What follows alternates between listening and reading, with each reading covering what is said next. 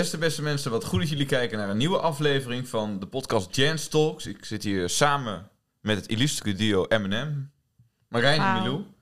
En Wat een eh, we zijn weer, eh, het, het volledige het trio is weer compleet vanmorgen. Ja, we zijn er weer. Ja, we zijn zijn er een nieuwe weer. podcast op te nemen. En eh Milou de vorige keer ja, het vond het een beetje lastig. Dat snap ik ook wel. Het ging natuurlijk over een gevoelig onderwerp. Ja, jullie aflevering. Ja, de ik- allereerste. Over De de rol van vrouwen in onze Oh, samenleving. die. Of ik dacht die van vorige week, want daar vond ik ook wat van. Ja, Of, eh, toen, toen, toen miste hij eigenlijk een beetje de, de vrouwelijke progressieve inpo- eh, inbreng eigenlijk. Nou, niet per se de vrouwelijke inbreng, maar gewoon überhaupt De de, niet eh Ja, hoe ga je extreemrechtse inbreng. Oh, Nou, ja, Lou, Lou, ik snap wat we je moeten nog bedoelt. beginnen. En, Nee, eh, nee, ik snap wat je bedoelt. En ik ga er niet serieus op in. ehm, Moet maar je ook niet doen. je moet niet alles wegzetten als extreem rechts. Daar ben ik giftig voor namelijk. Maar je hebt wel gelijk. Misschien hadden we voortaan bij dit soort onderwerpen... misschien een iets ander geluid kunnen laten horen. Dat ben ik met je eens. Des te blijer Ja, zijn we dat we nu weer met Ja. z'n drieën opnemen. En we gaan het zeker over een eh, gevoelig eh, onderwerp hebben vandaag. Eh, waarbij er ook verschillende zijden aan het debat zitten die nu volgens mij wel een beetje vertegenwoordigd zijn.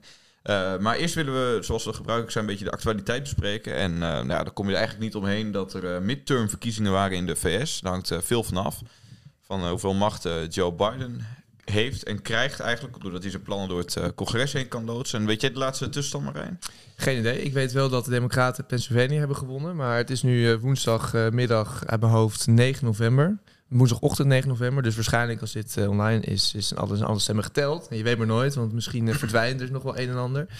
En er wordt nogal vaak gefraudeerd, toch, met die stemmen? Of Het dus- schijnt. Ik op weet het Twitter ook weer allemaal filmpjes eh, rond. Ja. Maar Twitter is nu ook van Elon Musk, dus... eh, wat- Ja, nou ja, we zullen, we zullen het zien. eh, Ja, even nog voordat we over die midterms gaan hebben. Hebben jullie al een blauw vinkje op Twitter? Ik heb geen 8 Twitter. dollar per maand, dacht ik. Ja, ik, ik had geen blauw vinkje en ik ben ook niet van plan. Nee? Want dat kun je dan, iedereen kan dat dan kopen? Of wat is dan precies het idee? Ja, het idee is dat iedereen voor 8 dollar kan je gewoon een blauw vinkje kopen. En dan ben je gewoon geverifieerd op Twitter. Maar Eh, ik dacht dat het verified ook een soort van waarde had. En nu heeft dat totaal geen waarde Nee. meer. Want als je maar die 8 dollar, dat kan iedereen ongeveer wel dus betalen. Een, een troll-account met drie volgers en een blauw Ja. vinkje. En dan, eh, Nu kunnen wij ook een blauw vinkje en dan is het krijgen. wel de, de naam is Gert0708 of zo. Ja, maar kan dat dan wel? Want dan, je zou dan wel je echte naam waarschijnlijk moeten opgeven, denk ik. Dat ik, niet, ik denk wel dat, je, dat er nog iets meer aan vasthangt. Maar goed, zullen Misschien zien. een beetje te snel. Maakt toch ook niet Wat ik altijd wel leuk vind aan Elon Musk is dat hij ook zo helemaal. eh, dan zijn mensen daar weer boos over dat je moet betalen voor dat vinkje. Van ja, en het wordt opeens duurder en zo. En dan zit hij allemaal memes te plaatsen. Met ja, je geeft ook 8 euro eh, bij de Starbucks uit of ergens anders. En dan maakt hij dat een beetje belachelijk. Van jongens, eh, ik, ik beheer het platform nu. En als je al gaat zeuren over 8 euro per maand, je, of 8 dollar per maand, je hoeft het niet te kopen, dat blauwe vinkje. Nee, Dus ik, ik, ik kan wat Maar- karakter van hem, vind ik wel leuk. ik vind het gewoon niet echt oké dat hij Twitter heeft gekocht. Ja. Maar Maar laten we dat dan heel eventjes voordat we echt naar die midterms gaan Mhm. en dan naar het onderwerp vandaag. Maar hoezo vind je het niet oké dat hij Twitter heeft ah, gekocht? ik vind dat best wel eng dat je dat zomaar kan kopen. Ja, maar dat is toch. eh, de, dus dat is Nou ja- continu gezegd, ja, vrije markt. Als we zeiden van joh, be- bepaalde geluiden worden er afgegooid. Donald Trump werd er afgegooid. Dan was het ja, nee, maar het is een particulier bedrijf. En dat, ja, dat is nou eenmaal goed georganiseerd. Dus daarom gaat de overheid er niks aan doen, et cetera, et cetera. Dan, koopt, dan, dan gaat het verder in het particuliere circuit. Wat je er verder ook van vindt. En dan opeens zijn al die mensen die het prima vonden dat Trump er af, werden gekocht, eh, af werd gegooid. Want het was een particulier platform. Dan is het opeens een probleem dat Elon Musk aan de macht komt. Hoe zit dat dan precies? Nou ja, ik vind misschien juist dat dit soort platforms juist wel meer gecontroleerd moeten worden. Omdat het zoveel mensen bereikt. Dus ik vind Ben ik dat het in eerste instantie niet per se particulier had moeten zijn. Maar Mm, mm. En nu wordt het alleen maar erger. Misschien, ja, misschien heeft het, ik weet ook nog niet hoe het gaat uitpakken. En misschien wordt het juist nu eh, weer helemaal nieuw leven ingeblazen. En komt iedereen nog meer aan zijn trekken op Twitter. Maar ik vind het Dat wel. is natuurlijk de vraag wat je zegt, Ja, hoe het zich uit gaat je pakken. weet het nog niet. Ik ben gewoon principieel tegen, eh, dat iedereen zegt het, maar ik denk dat wij, weinig mensen het ook daadwerkelijk zijn, maar tegen censuur. Of er nou Donald Trump is of wie dan ook. Ja. Met de grens dat je, eh, ja, alles wat tegen de wet ingaat is de grens. Dus haat, zaaien, opruiing, allemaal dat soort dingen. Maar in principe moet subjectief. Hè? Ja, subjectief, dat is een grijs gebied, maar die-. Ja, nee, precies. Maar die grens wordt zelfs steeds lager. Je mag Hmm. steeds minder zeggen. Tenminste, in mijn ogen Ja. word je sneller van Twitter gegooid of geblokkeerd, et cetera. Dus als het eh, minder censuur met zich meebrengt, dan ben ik voor. ja, ik maar niet dat per gaan we se. zien. Want als er geen censuur is, dan kunnen mensen dus elkaar alles wijs maken. En dan komt er dus ook heel veel... weer- Ja, ik, dus, ik dat wil er niet te diep op ingaan. Maar als iemand onzin loopt te verkopen... dan kan hij wel een hele following opbouwen. Ja, en dat maar gebeurt... Wie, eh, Maar ja, wie dat- bepaalt wat onzin is? Ja, en eh, nou ja, Ja. ik, ik Mm. vind dat nou ja, maar je kunt het wel over hebben. Geloof je dan niet in de kracht van het debat en in, in de kracht van dat, het ook, dat als er onzin wordt verkocht, dat het ook bestreden kan worden en dat er dan mensen tegenin kunnen gaan en met Ja, aan dat- kunnen komen. ja, dat Dus- wel. En moet dat dan van tevoren, van bovenaf zeg maar worden verboden? Want als ik daaraan denk van onzin verkopen, dan heb ik het een beetje over eh, feitelijke onzin, zeg maar dingen die gewoon aantoonbaar niet kloppen. Feitelijke onzin. Nou ja, als je kijkt van eh, dat je onzin wel of niet mag verkopen, dan moet ik ook heel vaak denken aan die coronadiscussie. En bij Facebook stond precies alles wat je niet mocht beweren. Onder, onder andere dat natuurlijk immuniteit heel erg goed was en misschien wel beter werkte dan eh, eh, vaccins. Dat mocht je niet vertellen. Nou, inmiddels is dat een beetje common sense geworden. Dus ja, ze kunnen het er ook over hebben van. Maar het is uiteindelijk toch wel verteld. Nou ja, het werd er wel continu van afgegooid. Wieberen van Haga werden ook allemaal posts eh, verwijderd, zeg maar, die, eh, die hier wel betrekking eh, tot hadden. Ja, ik denk Of die- als je de denk dat we van nu- mondkampjes ter discussie stelt. Het punt is van, ja, oh, er wordt veel onzin verkondigd. Ben ik het mee eens? Vind ik het goed en wenselijk? Nee. Maar moet dat dan vanuit zo'n platform per definitie bepaalde geluiden worden geband? Dat het, is, het is in mijn ogen heel simpel. En Wat jij zegt, daar wil ik me eigenlijk op aanhaken. Misschien moeten we dan dit onderwerp maar even Ja, afsluiten. dus anders wordt het te lang. Nee, maar je Gaan we een keer vervolgen, ja. je vroeg terecht, geloof jij dan niet in de kracht van het debat? Als ik onzin gooi op Twitter, op welk medium dan ook, dan vind ik dat mensen dat moeten ontkrachten. Dus dan moeten mensen tegen mij kunnen zeggen van, eh, Marijn, je verkoopt onzin, hierom en hierom. Klaar. En dan zei- word ik, eh, ja, weet ik veel, dan wordt mijn mening gecanceld, hoe je het ook wil noemen, maar wel op de inhoud. En niet al bij voorbaat. Ik denk ook daarbij dat als je mensen censureert, dat het ook veel meer die desinformatie tussen aan, hele grote aanstekens voedt. Ehm, want ja, dan gaan mensen in alternatieve sectoren of eh, groepen met elkaar praten. En dan wordt een het, helemaal, eilandjes, hè? wordt het Ja. helemaal niet meer gecontroleerd. Dus Ja. ik denk dat dat een hele slechte zaak is. Hou het, controleer het misschien, maar hou het Mhm. wel in de perken. En ga niet alles op desinformatie gooien, want dat is echt, dat loopt uit de hand. Ja, en ik hoop gewoon dat mensen niet... Gesproken, hè? Ja, nou, ik vind dat je fantastisch spreekt, maar ik wil alleen nog zeggen dat... Wat ik gewoon heel irritant vind, is dat zodra je tegen één ding bent, dan ben je ook tegen alles wat de overheid doet. En dan blijf je maar over zeiken op al die platforms. En ik denk dat mensen daar gewoon mee moeten kappen. Hm, hm, hm. Want ik geloof gewoon niet dat de overheid alles slecht met ons voor heeft. Dat, dat zeg ik ook. Dat ja, Nee, maar dat nee, is nee. wel wat vaak uiteindelijk. Nou, ook al zou je dat beweren, moet je daar toch wel Ja, een debat over maar ik vind het. Ja. Ja. ik hou gewoon niet van Twitter. Oh, Nee, maar ja. nee, ja, Dat is ik zag net uiteindelijk- nog op je... Op je Ja, ik krijg wel melding af en toe. Ja, je hebt Ja, pushmeldingen We hebben je van, Twitter. geëxposed. We Nee. hebben je geëxposed. Ze ze heeft pushmeldingen van Sander Schimmel ben ik aangezet, hè? Nee, die had ik al aan. Kijk, Ze, ze voelt zich zo eenzijdig. Nee. We gaan snel eh, door. En eh, we, we zeggen overigens nog bij dat er een podcast komt nog aan over dit onderwerp ongeveer. Het gaat er een beetje aan raken. We gaan namelijk nog spreken met Chris Albers. Die we hebben bij deze verklapt. En als jullie dat niet wilden, dan is het toch gebeurd. En daar gaan we het onder andere over dit eh, onderwerp nog doorspreken. Dus eh, het wordt nog vervolgd voor de kijkers die er geen genoeg van konden krijgen. Ja, en, dit, dit- En waar we nu over gaan, de midterms, een mooi bruggetje wordt uiteindelijk het onderwerp van vandaag. En ik zou, mag ik het bruggetje alvast maken? Nou, ik wil het eerst nog even hebben over die midterms. Want Oké. eh, hoe stond het daar nou voor? Nou, volgens mij is ehm, het Huis van Afgevaardigden, de Tweede Kamer van Amerika, gaat naar de Republikeinen. Dat was ook eigenlijk wel de verwachting. Alleen Ja. het is nog heel spannend wat de Senaat, eigenlijk een soort van Eerste Kamer, gaat doen. Ja. Ehm, of die nou naar de Democraten gaat of naar, naar de Republikeinen. En eh, dat is nog heel erg spannend. Er werd gezegd van ja, er kan wel een red wave kan, gaan komen, dat de Republikeinen winnen en Joe Biden massaal af gaan straffen. Dat is niet zo, maar hun macht wordt wel groter. Dus het wordt heel erg spannend of Joe Biden zijn plannen er nog eh, door het congres heen Dit is heel interessant. Het is ook een beetje progressief versus conservatief. En dat is dan Mhm. de discussie van vandaag. Hè. Uh, Recht op abortus, eh, is dat goed of juist niet? Het, eh, kan ook genuanceerder, of niet zwart of wit te zijn. Maar dat is wel ook een discussie die in Amerika nu op het spel staat. In de, in de staten Vermont, Californië en Michigan. Michigan, ja. Die hebben gestemd nu voor het recht op eh, ja. abortus om dat weer op te nemen. Want even goed om eh, misschien even uit te leggen. Dat ehm, eh, er was een soort van ja, recht in heel, in heel de VS naar Roe versus Wade een uitspraak dat eh, het recht op abortus eigenlijk verankerd moest zijn voor iedereen. Ehm, en dat is toen geschrapt. En dat heeft er ook een beetje mee te maken dat Trump van die hoge rechters had eh, benoemd in zijn termijn.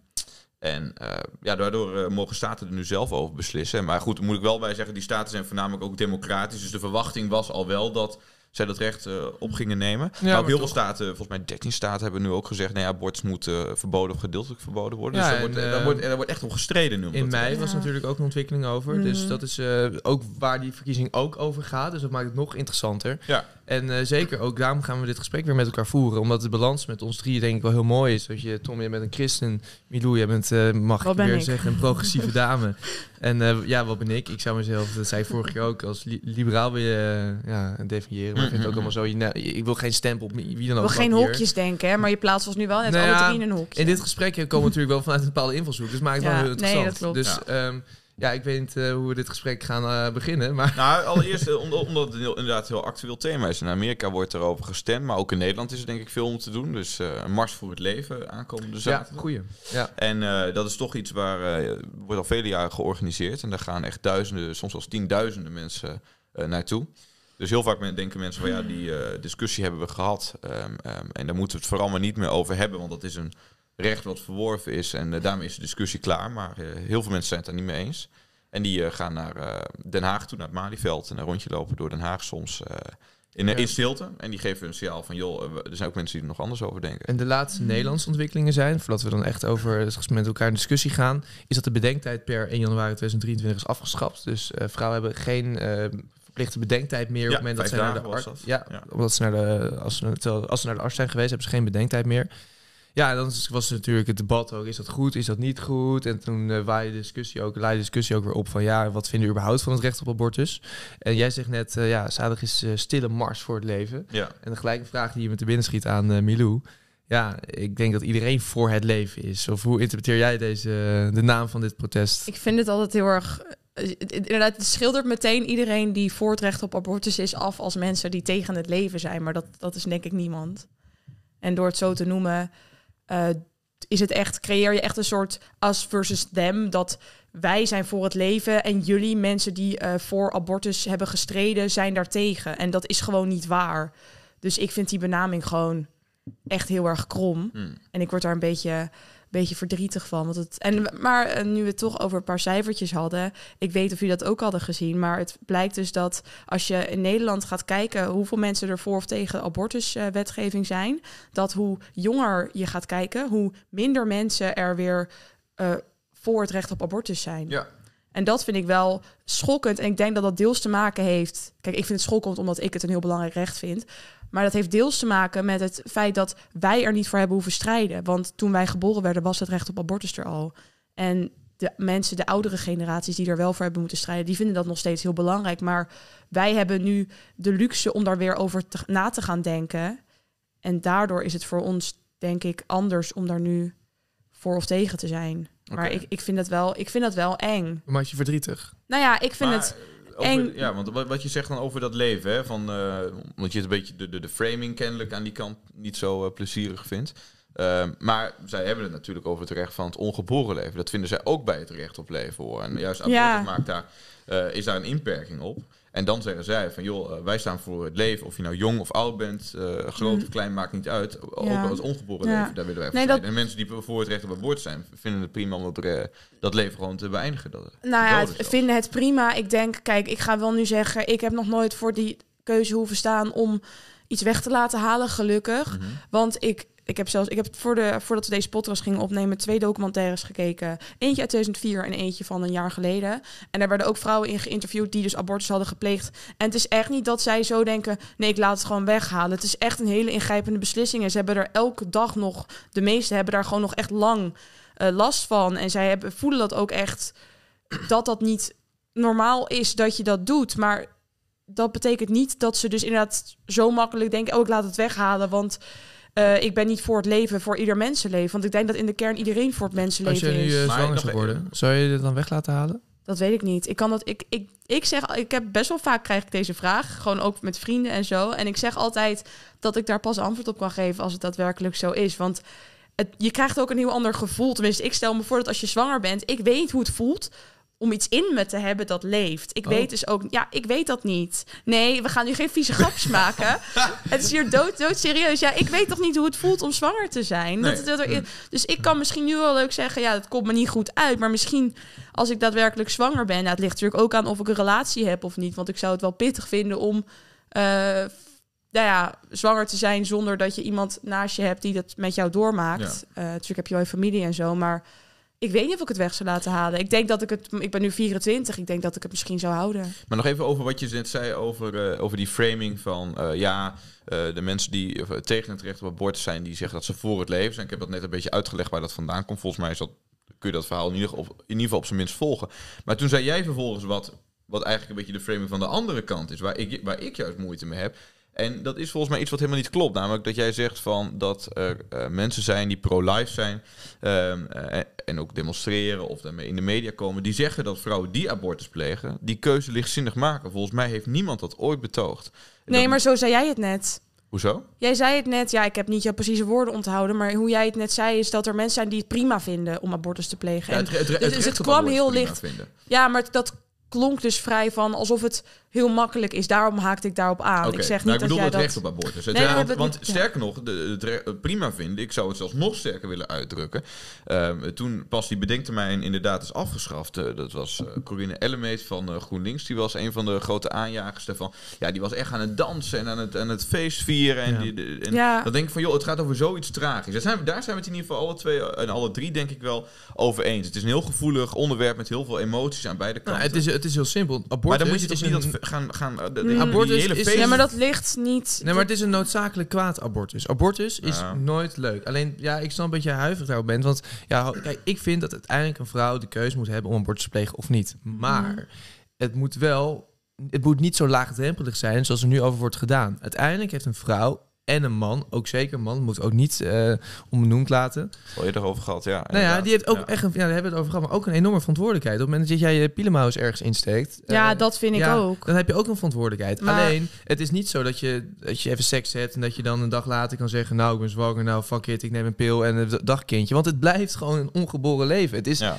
Het is echt een, nogmaals, een noodzakelijk kwaad. Alleen, ja, voor mij heeft het een eh, zwaarder gewicht dat de vrouw uiteindelijk de keuze moet hebben om het eh, weg te kunnen laten halen. Maar dat die bedenkt, het is afgeschaft en dat er nu wordt gejuicht, hè, wat je zegt, door Ja. PvdA en die de GroenLinks-fracties. bedenktermijn hebben afgeschaft. Maar Dat is natuurlijk, dat, ze- dat zegt veel over hoe er nu over na wordt gedacht. eh, over de Ja. abortus. En dat vind ik ook totaal niet kunnen. Dat Maar kan mag ik daar iets over zeggen, over die bedenktijd? Ik denk Tuurlijk. niet dat dat afschaffen van de bedenktijd betekent dat heel veel vrouwen nu opeens in een 20 uur die beslissing gaan nemen. Maar er zijn mensen die.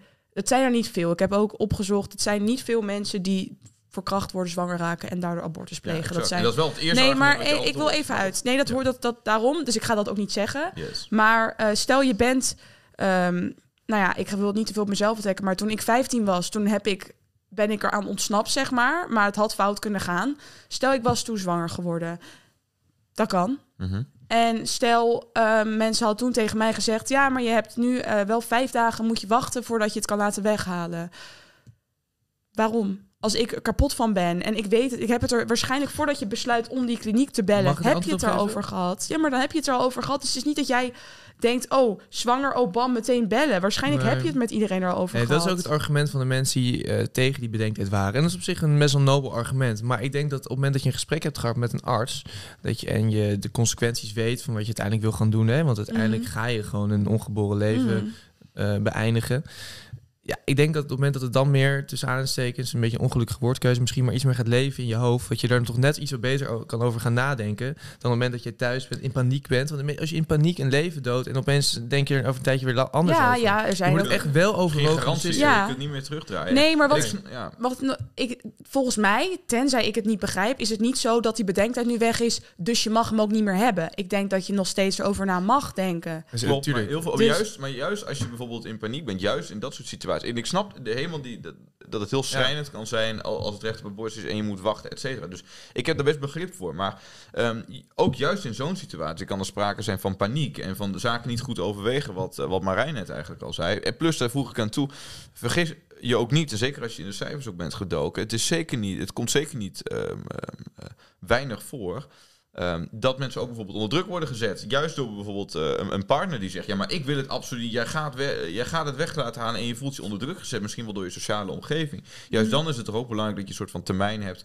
waarbij je kunt nadenken: van joh. Maar die heb je toch ook? Want je hoeft niet op dat moment die keuzes te maken. Het is alleen die Ja. mensen die dat niet willen, dat ze daar ook niet aan vast hoeven houden. Dus ik vind dat je het van twee kanten kan bekijken. Ja, Ja, dat, heb je dat, ja. dat doen we. We kunnen nuanceren alles nee, nee, maar ik bedoel. podcast. Maar, Nee, maar. Vooral met het jou is- inbreng ook, uh, Marijn. Ja, bedankt. Enerzijds, anderzijds. Ja, maar. Ja. ja, maar dat is toch irritant als je gaat- filosoferen. Wat ik over het algemeen heel leuk vind. Dat je dan inderdaad de voor's en tegen ziet. En natuurlijk heb ik een mening. Ik vind uiteindelijk dat vrouwen abortus moeten plegen. Maar ja, Mhm. de nuance is... Kunnen plegen. Ja, ja. Kunnen plegen, sorry, sorry. Nee, inderdaad, Ja. kunnen plegen. Want moeten plegen, dat is weer Nee, wat ik wil zeggen. Het is echt een noodzakelijk kwaad. En ik vind juist dat dat helemaal niet zo... dat er niet zo laagdrempelig over nagedacht moet worden. Maar dat wordt er dus je, niet. Wat ik nu zeg, kan je niet verankeren in een wet. Dat je zegt van, eh, alleen je kan er misschien wel, of het nou bedenktijd is of iets anders. ja, het is, het, is- hoe zeg je dat? Het is meer denk ik alles eromheen moet veranderen. En er moet minder lichtzinnig over seks worden nagedacht. Ja, Ja, dat ook. maar en, maar en nog één ding. Mhm. Heel veel, ik hoor je namelijk ook van de eh, anti-abortus kant dan dat eh, er anticonceptie is. En dat werkt gewoon, maar dat is niet 100%. Nee. Dus als jij heel braaf eh, condooms gebruikt, de pil slikt of een spiraaltje hebt en je wordt alsnog zwanger en je bent ehm, nou ja, je moet ook denken aan het leven van de vrouw. En je hebt alles eraan gedaan om niet zwanger te raken, maar het gebeurt toch. Moet je dan op je zestiende bijvoorbeeld je hele school en werk op pauze zetten, omdat je dan nou eenmaal bekroond bent met een kind? Ja, nou, ja je, je snijden volgens mij alle twee een beetje hetzelfde onderwerp aan. Dus dat, nou, dat is, en dat vind ik heel goed om die parallel te trekken. En dat is dat abortus heel erg samenhangt ook met eh, de, se- de- het denken rondom seks en zo. En de hele seksuele cultuur die er in Nederland heerst. Ja. En dat dat puur op genot eh, ge- gebaseerd is. En helemaal los is gekoppeld van een liefdevolle relatie. Dat heb je eigenlijk sinds de jaren 60 gezien, hè, met die hele seksuele revolutie ook. En ehm, ehm, ik denk dat dat ook ervoor heeft gezorgd dat je dan nu in dit soort situaties komt. Kijk, want als je op het moment dat je alleen seks hebt in een stabiele relatie en zo. Ja, dan heb je dus al gelijk een soort van veilige omgeving waarbij je er ook met elkaar voor kunt zorgen. En wat je er verder ook van vindt van die seksrevolutie. Maar het heeft er wel voor gezorgd dat we dat nu aan andere kanten moeten compenseren. Want ja, die anti- anticonceptie die werkt niet 100%. Dus ja, eh, er blijft altijd een geval. eh, misschien dat, dat het dan verkeerd kan gaan. En dan moeten we daar toch mogelijkheden voor hebben. Terwijl je ook kan zeggen, ja, misschien zouden we wel iets aan die seksuele cultuur moeten doen in Nederland. Ja, maar ga jij dat veranderen? Ik bedoel, er zijn altijd de mannen in mijn hoofd zijn de mannen hebben over het algemeen vaker behoefte aan seks dan vrouwen. Nou, Dat is nou, nee, het vrou- mannen zijn echt waar. Dat, Nou ja, dat kijk, zijn ook onderzoeken over geweest. Ja, nee, ik, ik geloof best wat je zegt. En ik kan ook niet ontkennen dat ik vaak zit met mijn seks. Maar ik heb ook wel echt een aantal vrouwen meegemaakt. En ik hoor ook vaak van vrouwen dat zij er zelf net zoveel zin in hebben. ja, dat, dat tuurlijk, Dus tuurlijk. Maar Ik snap wat je probeert te zeggen. Maar ik denk niet dat dat helemaal zo het geval is. Als en als er onderzoek over zijn, wil ik die graag lezen. nou ja, en ik vind niet. Ja, nee, maar en ik vind, ik vind niet dat we nu moeten gaan zeggen, ja, dan moeten mensen maar niet meer met elkaar naar bed gaan. Nee, kijk, we moeten, dat vind ik echt. je moet er Nou ja, wel seks over nadenken. Dat op het moment dat je, op het moment dat je, ik ben helemaal voor eh, dat, dat eh, ge- genieten is een heel belangrijk onderdeel van, eh, van seks. Dat zal ik zeker niet ontkennen. Maar ik denk wel dat het goed is om na te denken. Van is het maar verstandig om met iedereen eh zo Nou met ja, dat vind ik sowieso niet verstandig. Nee, maar, Nee, jongens, het is toch gewoon een, een trend die we al langer zien. En ik kaart dat nu echt zo vaak aan in de podcast... dat ik me een beetje zelf, zelf zo vaak herhaal. Graas plaat eh, begint te worden. Maar. Ja, het begin ik kan er gewoon een eh opzetten en dan niet meer hier zitten. Nee, maar het is toch een trend dat we allemaal massaal minder verantwoordelijkheid nemen. En als je het dan nu op de mannen wil betrekken, of vrouwen ook. Kijk, tuurlijk mag je van seks genieten, maar uiteindelijk blijft het een voortplantingsgebeuren. gebeuren. je, je kan, er komt een, kan een kindje uit voorkomen. Dus Zeker. we hebben heel veel voorboedsmiddelen, condooms, vrouwen kunnen de pil slikken. Terwijl ik het ook overigens wel slecht vind, eh, met hormonale dingetjes en Ja. toestanden. Maar het kan wel allemaal. Mhm. Ehm, dus ja, er, er moet een balans zijn tussen ervan genieten en je verantwoordelijkheid nemen. En als het dan zover is, is abortus is echt, dat is echt de ultieme grens. Maar daarvoor Mhm. moeten zo zoveel stappen aan vooraf zijn gegaan dat het echt gewoon niet anders kan. Hm. En het moet niet worden Tuurlijk. gedacht van, oh, ik doe geen pil, want het is slecht voor me. Um, als man, ik ben te lui om een condoom te halen of mee te nemen. En ik ga me steken me even ergens in. Dat vind ik ook te makkelijk. Ja, nou, ik vind misschien dat er ook beter onderwijs inderdaad over moet worden gegeven. Want ik weet dat ik in de tweede klas kreeg alleen een beetje seksuele voorlichting over hoe je een anticonceptie werkte. Maar je kreeg niet per se echt concreet te, te horen van, nou, dit gebeurt er als het niet...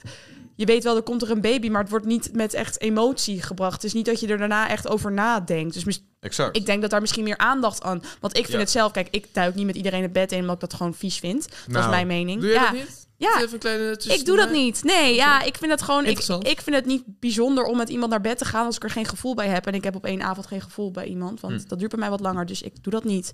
Dus ik vind het, en ik vind het sowieso dat mensen ook qua niet alleen zwangerschap, maar ook SOA's en andere eh, ziektes, dat je gewoon bewust moet zijn met wie je het bed deelt. Ja. Maar ik ik. vond het een heel goed punt wat je zei. Want ik, als ik terugdenk aan mijn seksuele voorlichting, klas 2, biologie. Ik weet nog precies van wie ik het kreeg. Ik heb helemaal, eh, overigens, altijd dat stereotype van een banaan, daar moet je wat omheen trekken. Dat heb ik helemaal niet gehad bij. Nee, het ook enige, niet. Het enige wat ik wel heb gehad, is gewoon puur, hoe zit het biologisch? Maar Mhm. het hele bewustwording en vooral je verantwoordelijkheid Mhm. nemen, dat heb ik niet eens gehad, Nee. zeg maar. En dat is zo, wel ontzettend, juist in die fase. Hè, dan Heel belangrijk. al, Dan eh, ontwikkel je juist. ja, man. eh, Je begint beneden, begint er al van alles te gebeuren. En ben je 24-7 geil. Of ja, ik bedoel, als je puber bent, dan eh gieren hormonen door Hey, je je mag het gewoon Ja. zeggen, gooi geil, eh, beren, gooi het maar hoor. Ja, Ik nee, maar ik zeg gewoon even hoe het is. Berig. En, beren. Gewoon wat ik zo mooi Zo praat jij altijd. hè? Papa is een beetje berig. Ik hoorde pas een mooie uitspraak van een joch die zei... Ik ben vanavond zo bronstig, zei hij. Ja, Dat zijn dus herten die geil zijn. Ja, Ja, ja, ik heb nou. zo gelachen, man. Maar Maar papa, denk je dat ik mezelf papa noem? Oh nee. Dat vind ik wel een beetje... Jetty Marijn. Nou, laat maar. Dat loopt een beetje uit de Maar- hand in, maar dat doe ik toch even rechtzetten. Dat doe ik niet hoor. Dat, Maar die eh, seksuele voor- voorlichting die loopt achter. En zeker Vind als ik het wel, gaat ja. om eh, alleen maar dat biologie en totaal niet de verantwoordelijkheid nemen. Ik vind het wel mooi dat we daar, of je nou voor of tegen abortus bent, we zijn het er allemaal over eens van. Één, het is hartstikke tragisch als het, als het gebeurt. En da- eh, je hebt dan een supercomplexe situatie te pakken met vaak veel moeilijkheden en pijn en zo. En het tweede is, je moet gewoon in het stadium daarvoor kun je, al- kunnen we misschien wel zoveel meer doen. Ehm, Maar Tom, ik ben wel benieuwd naar jou. Want jij bent natuurlijk christen. Dat is ook een van de redenen, denk ik, waarom jij tegen abortus bent, Ja, toch? In ja. principe. Vertel, want hoe wordt dat gevoed vanuit het geloof? Hoe ontstaat zoiets, die gedachte? Ja, ehm, nou, ik ben eh, tegen abortus in principe, eh, omdat ik het ehm, ja, gewoon niet eh, moreel afkeur. En eh, tenzij de leven van moeder echt om medische redenen in gevaar komt. Dan En je keurt het moreel af omdat het ontnemen van leven is. Ja, het ontnemen van leven. En ik geloof, eh, ook, ook vanuit de Bijbel, en dat, dat doe je toch als christen, dat eh, elk leven gewild is door God en waardevol is. Ehm, en dat het dus ook een soort van intrinsieke waarde vertegenwoordigt. Dus je ziet, en zeker dat gaat eh, vooral heel erg in tegen de eh, seksuele cultuur nu in Nederland. Van ja, een abortus, nou ja, dat, ik, ook als ik bijvoorbeeld naar de politiek kijk, hè, als als zo'n recht op, eh, of die, die bedenktermijn is afgeschaft, wat ook een heel complexe situatie is. Want wat jij zegt klopt volgens mij ook. Eh, dus het heeft echt wel twee kanten, ondanks dat ik daar ook een overtuiging over heb. Maar dat is zo complex en op dit moment wordt het alleen maar gevierd. Ik zag echt die Corinne Elleme, die, had gewoon lekker een foto van, van haarzelf gepost waarmee ze helemaal aan het juichen was. Dus het wordt helemaal bejubeld en het is juist zo tragisch iets. En ehm, juist als je gelooft dat elk leven gewild is eh, eh, door God en daarmee ook een waarde vertegenwoordigt omdat hij de schepper is van al het leven. Ja. Ja, dan zou ik dat niet zomaar eh, lichtzinnig wi- willen beëindigen. En vind ik überhaupt dat wij daar als mensen eigenlijk helemaal niet over zouden moeten gaan. Omdat het ook nog eens niet het leven van jezelf is. Het is het leven van een ander in principe. Het zit, het zit weliswaar in de buik van de Dus moeder. maar het, is een, het is een Ja. afzonderlijk lichaam. Het is een afzonderlijk leven. Mag ik iets zeggen? En het is een beetje stom. Nee, we gaan nu lekker door. Ja, nee, tuurlijk. Nee. Moet je ook goed wil- in de microfoon praten? Ja, ik ga goed in de microfoon praten. Ik vind het heel grappig dat je zegt dat is het leven gewild door God. Maar aan de andere kant vind jij ook dat mensen onverantwoordelijk zijn. Maar is het dan niet gewild door God dat mensen gewoon het met Jan Alleman doen en eh, zeg maar uh, Nee. had er dus voortplanten? Nee, dat, dat heeft weer met iets anders te maken. Het gaat, dat zijn volgens mij twee verschillende Want dingen. Of iemand bevrucht raakt, dat is toch te maken met biologie en niet per se. Of zeg maar, of ik probeer meer te begrijpen ja, ja, van ja. Ik vind het altijd heel knap dat mensen heel gelovig kunnen zijn, maar ook geloven in de biologie en dan hoe dat dan Ja, samen. de biologie is de schepping en dat is gemaakt eh, door God. Dus dat ja. God heeft toch alles maar zo gemaakt? kan je heel makkelijk alles op. Nee, maar eh, want je zei nog iets. En volgens mij was dat het punt wat je niet helemaal begreep. Aan de ene kant geloven dus dat elk leven gewild is door God, dat hij het heeft gemaakt. Ondanks Mhm. de biologie. Hij is degene die het leven geeft. Want we kunnen het sowieso niet begrijpen waarom dat allemaal gebeurt. Waarom eh, ontstaat het leven eigenlijk? Waarom een bestaan wij? Ja, dat is. En eh, een, een eicel samenkomen. Dit blijft, bedoel, het blijft toch een wonde elke keer. mhm. Dus dat is gegeven door God. Maar aan de andere kant, ja, de mens heeft wel een eigen verantwoordelijkheid ge- gekregen van God om ook eigen keuzes te maken. Ehm, eh, dus het is zeker niet alles wat wij doen eh, dat het maar goed is. Ik kan, Ja. kan het je allemaal nog verder uitleggen hoor. Met Nee, maar wat ik gewoon en, eh, lastig vind, en ik ga weer dit voorbeeld nemen, ook al zijn het dus niet de meeste gevallen, maar stel, eh, je wordt verkracht. Ja. Je verkrachter, wat hij heeft, hoe hij heeft gehandeld, dat mag niet, volgens mij, volgens Mhm. vol- van God, als ik het zo. Nee, natuurlijk maar goed. Nee. Hallo. Maar er komt dan wel een kind uit. Ja, maar er komt dan wel een kind tijden. uit Ja, dus voort. en dat kind. de moeder wordt ge- gestraft. Nou ja, dat vind ik dan- eh, nou ja, want die verkrachter, die, eh, die kan al, al lang eh, weg zijn. Zeg maar, dat is niet dat hij nog in de picture is. Want nee, het dat is is- ook niet wat je nu ziet. Als je Dat vind ik heel lastig. Als je het op de actualiteit wil betrekken in eh, Oekraïne natuurlijk met Russen, Russische soldaten die Oekraïnse vrouwen verkrachten en dat er kinderen uit voortkomen. Ja, dat zijn natuurlijk scheidende situaties. Ja. Ik kan me heel goed voorstellen dat zo'n vrouw een abortus wil plegen. Alleen ja, dan heb je de ene kant het, eh, het, ja, het fundamentele standpunt van jou dus. Van ja, het ongeboren leven heeft ook waarde. En eh, Mhm. de waarde die jij het belangrijkst vindt. En ik uiteindelijk dus ook. Maar dat je dus de Mhm. vrouw het zelfbeschikkingsrecht moet hebben om die abortus te plegen. ja. Nou ja, het- het is heel lastig. Alleen het, tegenwoordig wordt het ook gedaan. Het is het zwart of wit. Dus of je bent pro-life of je bent anti-leven. Of, ehm, Ja, dus- veel mensen zitten ertussenin. Ik zou me wel zelf wel gewoon pro-life... eh, ja, nee, maar bijvoorbeeld Ja, ja, zaterdag dat met die mars. Hè. Mhm. mars heet eh, Stille Mars voor het Leven, als ik het goed heb. Ja, de Mars voor het Leven, Stille Mars, ja. Ja, ja. en ehm, wat wil je dan bijvoorbeeld daarmee bereiken? Of welke gedachten wil je aanwakkeren? Nou, omdat er heel erg wordt gesproken in de, in de politiek, maar ook in het, in het debat vanuit de media en hoe dat gewoon wordt gevoerd, is dat, de, het, dat er ook helemaal niet over abortus meer gesproken mag mag worden. Je moet sowieso voor abortus zijn. Het moet zelfs bejubeld worden. Nogmaals, dat zie ik echt in de politiek bij al die indieners. En we mogen het er eigenlijk niet meer over hebben. Al is het maar over de schaduwzijde. Al is het maar over ook dat er ook eh, belang zit aan goede hulp geven. Want alleen als je dat al zo ongeveer stelt, dan is dat... Ja, maar dat is eigenlijk al een inperking van het recht op de vrouw. Er wordt zo spastisch over gedaan. En juist bijvoorbeeld, laat ik één voorbeeld geven. D66 in het eh, Europees Parlement. ehm, eh, ik ben haar naam even kwijt. Eh, maar er was een Europarlementariër van D66 en die had onlangs gezegd dat volgens mij pro-life organisaties niet meer in het Europarlement mochten. Want dat was, dat, dat, daar mochten we dus niet meer over hebben. De discussie over abortus mocht eigenlijk niet gevoerd worden. Eh, abortus moet dan ook in allemaal verdragen terechtkomen, zodat je eigenlijk het niet meer open, open, open over kan spreken. Want ja, dat is dan een bedreiging voor de vrouw. Dus het wordt gedepolitiseerd. Het mag geen debat meer over gevoerd worden. En dat vind ik heel erg fout. En ik vind het juist heel goed dat in die drang, zeg maar, om het er niet meer over te hebben, eigenlijk een soort van postdemocratische gedachte van, nou, we hebben ooit, is dat eh, verworven recht geworden. Dat hoofdstuk sluiten we af. Dat boek gaat nooit meer open en dat, dat blijven we gewoon vieren. Ja. Ik vind het ook heel belangrijk dat mensen, als ze zich niet kunnen herkennen in, in de wetgeving die er nu is en de cultuur die nu is rondom abortus, dat je dat ook gewoon de kenbaar Ja, kunt het- maken. het is niet Want wat nieuw, wordt weinig gehoord door in de ja, media. maar het als is ik, niet- laat ik nog één ding zeggen. Als Ja, Extinction nog, Rebel- nog één ding. als ik ja, je blijft maar door. maar als ik Extinction Rebellion bijvoorbeeld met eh, tien demonstranten ergens eh, zie, krijgen ze ontzettend veel aandacht en dan wordt er maatschappelijke discussie over gevoerd. En dan gaat het eh, over abortus en er zijn tienduizenden mensen, dus er is heel weinig aandacht voor. Dus ik vind het belangrijk om gewoon dat signaal te blijven afgeven. Ja, nee, het is, geen, het, weinig is, het is niet nieuw dat eh Democraten 66 eh, ja, de democratie niet meer heel hoog in het vaandel heeft staan. En dat heel veel discussies niet meer gevoerd mogen worden. Ze noemen het zelfs de, discussie over abortus, hè, eventueel afschaffen van het recht op abortus, teruggaan naar de middeleeuwen. Ja, dat vind ik ook En wel dat- een beetje. ja, maar, Dat, dat snap ik op zich Niet wel.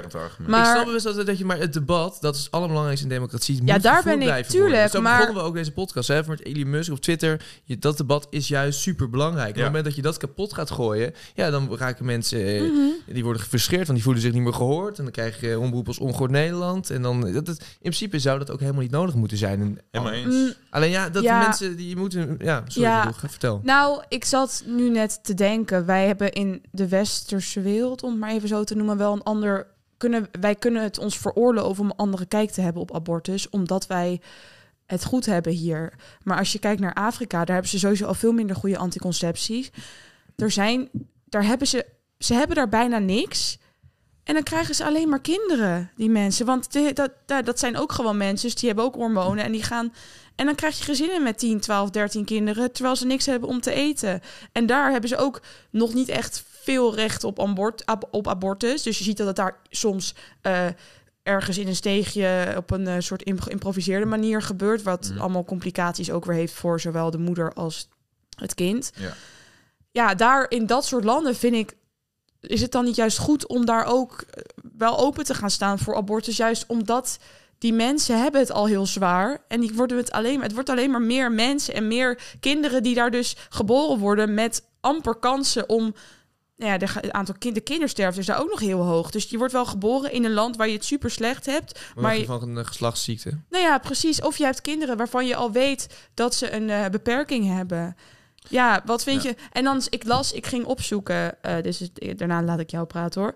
Maar er was ook een website. Door, Milou, joh. was een website en daar stond, stond op met argumenten die mensen eh, voor abortus kunnen geven en wat je dan als christen daarop zou kunnen antwoorden. Ik stuur dat ook naar jou door trouwens. En er stond één ding van ja, kinderen met een beperking die hebben ook recht eh, om geboren te worden, want dat zijn ook eh, ehm, kinderen van God. Ehm, maar ik denk dan altijd wel, wil dat is het voor het kind? Want er zijn kinderen die zoveel pijn hebben. Mijn achterneefje die heeft vlinderziekte.